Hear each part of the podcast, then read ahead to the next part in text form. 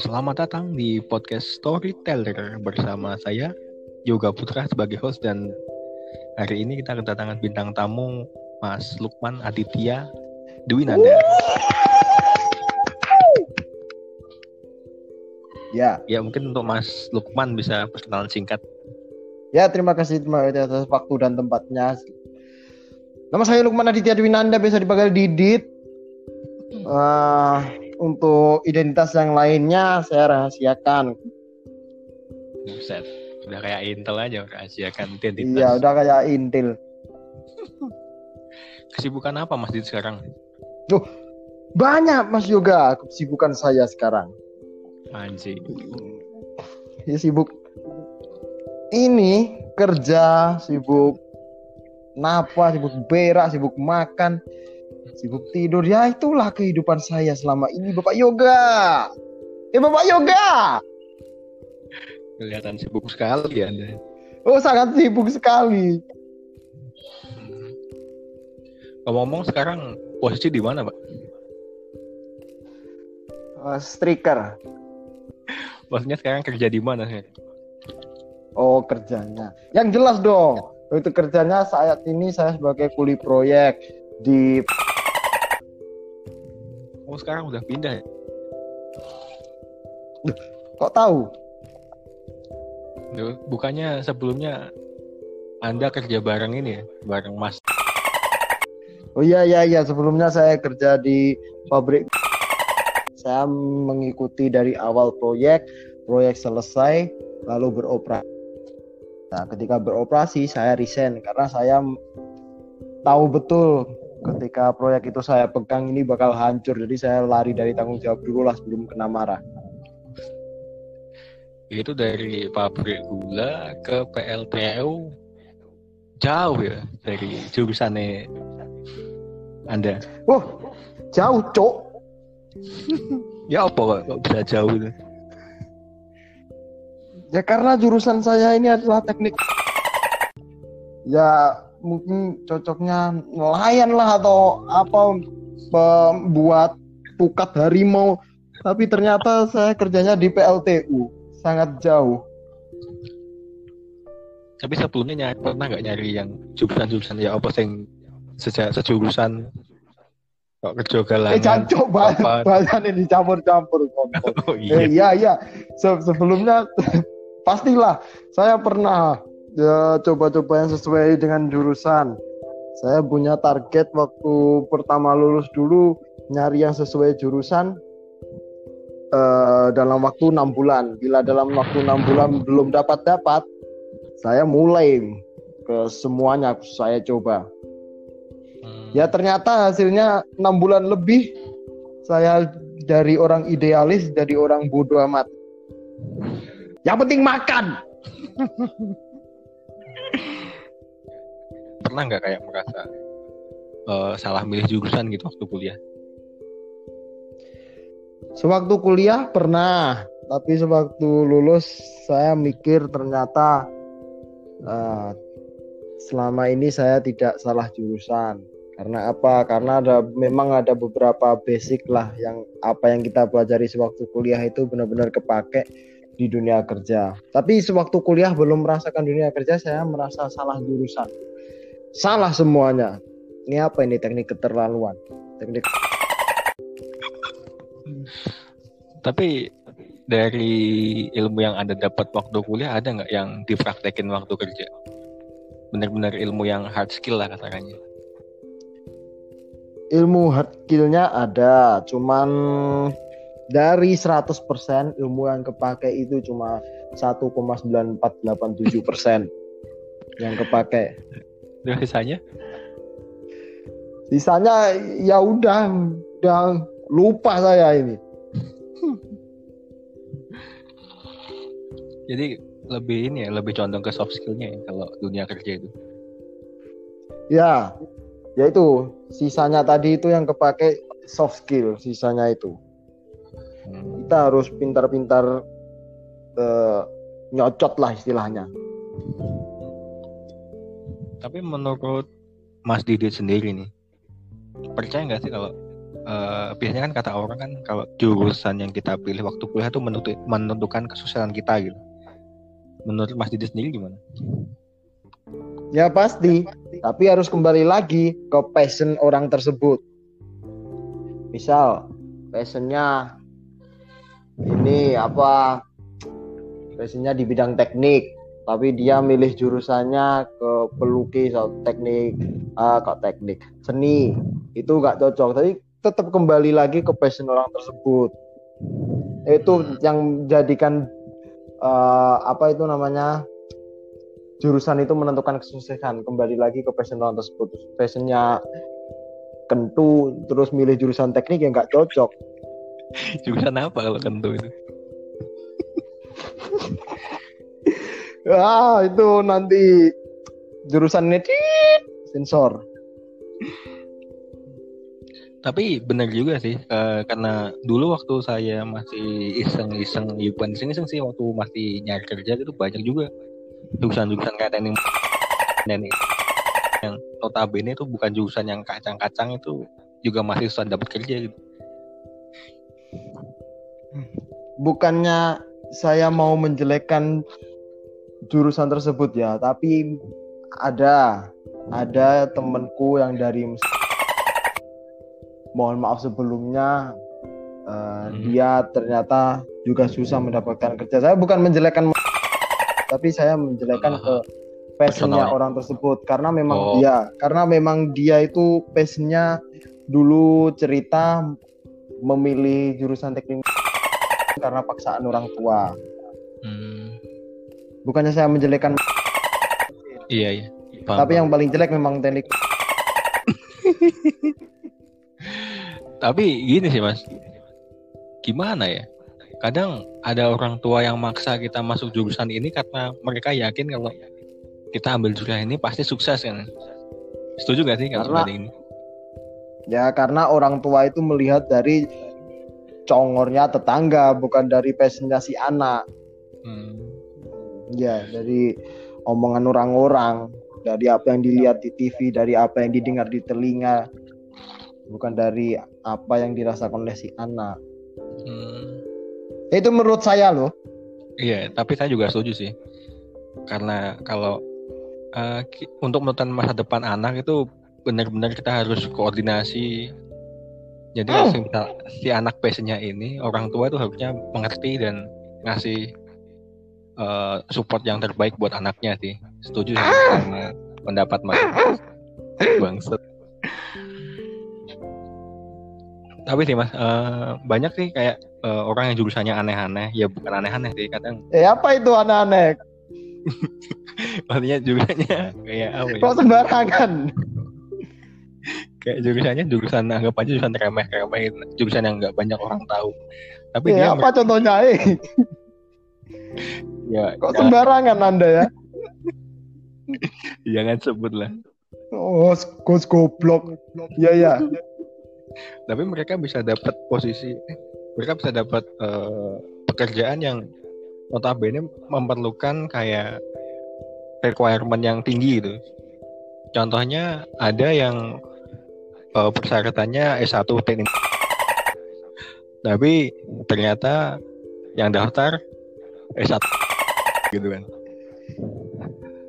tapi bisa masuk kadang iya Ya kalau itu kan biasanya tergantung posisi juga apa yang dia lamar. Hmm.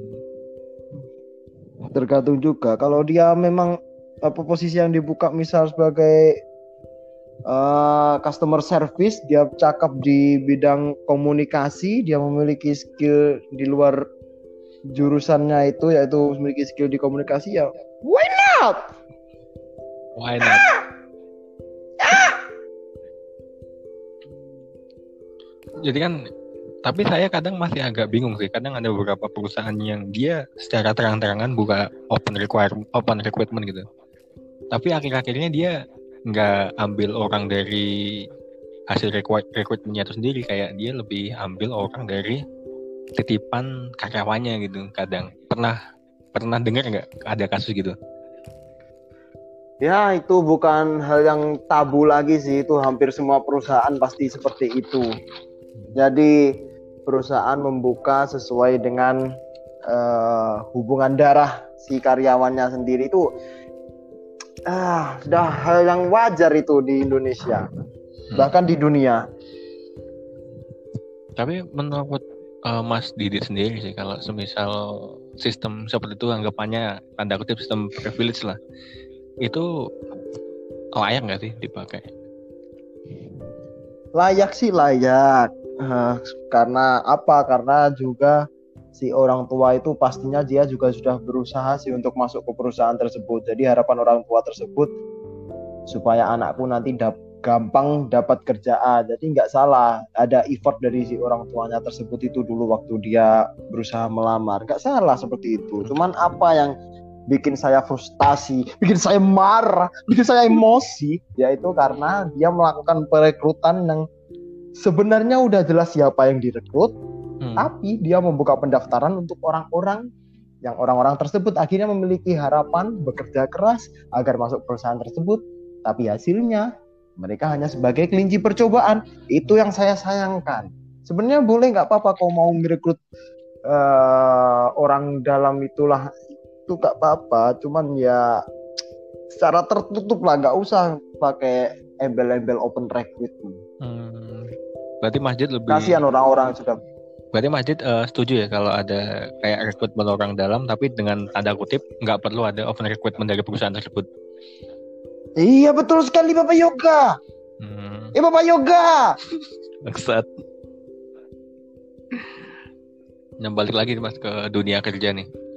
Uh, menurut Mas Didi sendiri itu uh, lingkungan kerja yang toksik itu seperti apa mas?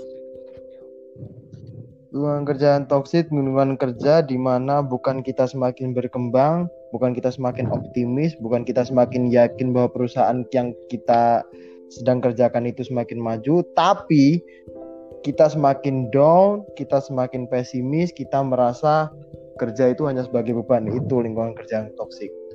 Hmm. Kalau selama ini pernah nggak kayak Mas Didit ngalamin lingkungan kerja yang toksik ini? Oh pasti dong. Hampir semua lingkungan kerja itu seperti itu dong. Kalau di pabrik gula sendiri pengalamannya seperti apa? Kalau di pabrik gula itu dulu kebetulan saya pertama lulus mendapatkan posisi supervisor di mana memiliki anggota yang anggota tersebut sudah memiliki pengalaman kerja. Ada beberapa anak yang sepertinya saya ngerasa mereka memiliki kecemburuan lah anak baru lulus tapi sudah mendapatkan posisi supervisor seperti itu. Hmm. Cuman ya ku anggap angin lalu saja hal-hal seperti itu.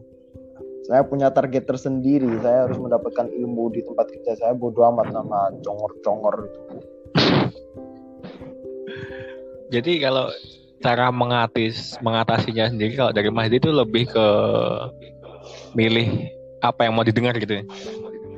Iya seperti itu. Kita nggak bisa mengatur congor mereka, tapi kita bisa mengatur telinga kita hmm. untuk apa sih yang ingin kita dengar itu. Tapi bisa nggak sih kalau uh, lingkungan kerja yang toksik itu ngasih dampak positif untuk diri sendiri? Ada, ada. Kalau seperti itu ada ya, tapi lebih banyak negatifnya sih. Tapi ada. Ya, ya kalau dari aku karena lingkungan kerja yang toksik itu saya memiliki semangat lebih untuk mempelajari job desk saya untuk mempelajari hal-hal yang menunjang karir saya agar apa agar mereka akhirnya mengakui saya yang hanya um, menyandang titel fresh graduate hmm. jadi saya memiliki, lebih memiliki semangat kerja bukannya saya semakin down bukan tapi saya malah lebih semangat kembali lagi sih ke kepribadian orang-orang itu sih kalau aku sih justru itu menjadi cambukan tersendiri bagi saya agar melaju lebih kencang. Ya, saya seperti kuda lah dicambuk makin kencang.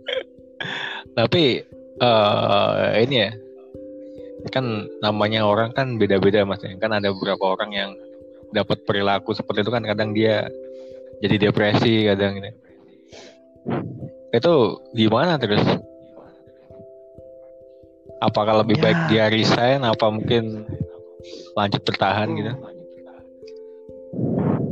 ya kembali ke kepribadian itu tadi sih Bapak Yoga seperti yang saya bilang ada yang dicambuk seperti kuda jadi makin kencang ada yang BDSM dicambuk malah suka orangnya masokis. Jadi macam-macam Bapak Yoga. Ada yang dicambuk kesakitan. Ya kalau dia benar-benar tertekan ya saran saya lebih baik resign. Hmm. ya memang gak bisa dipaksa hal seperti itu. Kasihan dia nanti bisa bisa bunuh diri. Kerja itu dibikin nyaman saja nggak usah dibikin berat. Iya benar. Emang gimana ya kalau kalau ngutip quote dari beberapa orang kan kerja yang kamu kerjakan apa yang kamu suka gitu. Wih, mantap iya. anjing. Bangsat. uh, tapi kalau gimana ya mas? kita kan waktu masuk kerjaan nggak bisa ini kan kita maksudnya mau ngamar gitu waktu kita ngamar kan nggak bisa tahu kan lingkungan kerja kita seperti apa kan itu gimana ya cara ngatasinya? Kita tahu lingkungan kerja yang toksik apa enggak gitu. Ya nggak bisa kita memprediksi. Kita harus terjun langsung. Yang namanya kerja nggak bisa kita misal kita keterima suatu perusahaan A. Waduh ini perusahaan seperti apa? Apakah ini toksik apa enggak? Itu kan juga nggak tahu. Tapi kita maksudnya kita terjun saja dulu lah lalu ya, biar kita tahu sendiri kultur budaya di lingkungan kerja tersebut seperti apa? Kalau misal ada kesempatan kenapa tidak diambil? Seperti itu Bapak Yoga. Cuman kan ya tetap saja ke apa sih mau ngomong apa aku anjing? Di luar naskah anjing. Aku jadi bingung. Bangsat. Ya seperti itulah. Ya eh, udah resign aja lah. Solusinya ada bingung. Resign aja ya. Iya resign aja semua. Banyak aku juga punya teman sih karena gimana ya dia baru kerja lima hari udah resign saya juga nggak paham nih kayak gimana ya? Dia udah masuk. Gajinya anggap paling lumayan lah. Dia juga dapat mobil juga. Tapi kok baru lima hari udah resign? Ya Allah itu to gimana nih? tolol. Ya itu namanya tolol itu. Itu kalau di kita kembali ke zaman penjajahan Jepang hmm. Dendels atau Van der Bos itu udah cambuk itu mulutnya orang-orang kayak gitu. Wah, ya Allah hanya lima hari. Alasannya capek. Ya, iya. ya ampun. Hmm. suruhlah balik ke penjajahan Jepang. Biar tahu rasanya. Jadi Mas Didit uh, gini ya? Berarti Mas Didit nggak bisa nyalain kalau semisal orang resign karena nggak kuat kerja itu menganggap mereka lemah? Kurang setuju ya? Kan kadang ada orang yang aduh gini doang nggak kuat dasar lemah gitu kan biasanya kan ada cocok-cocok bosok yang ngomong gitu kan Oh, tidak, tidak, tidak bisa saya salahkan. Karena Tuhan telah menciptakan setiap manusia itu dengan karakter yang berbeda. Hmm. Jadi saya tidak bisa menyalahkan apa yang telah diberikan Tuhan oleh mereka kepada mereka. Hmm.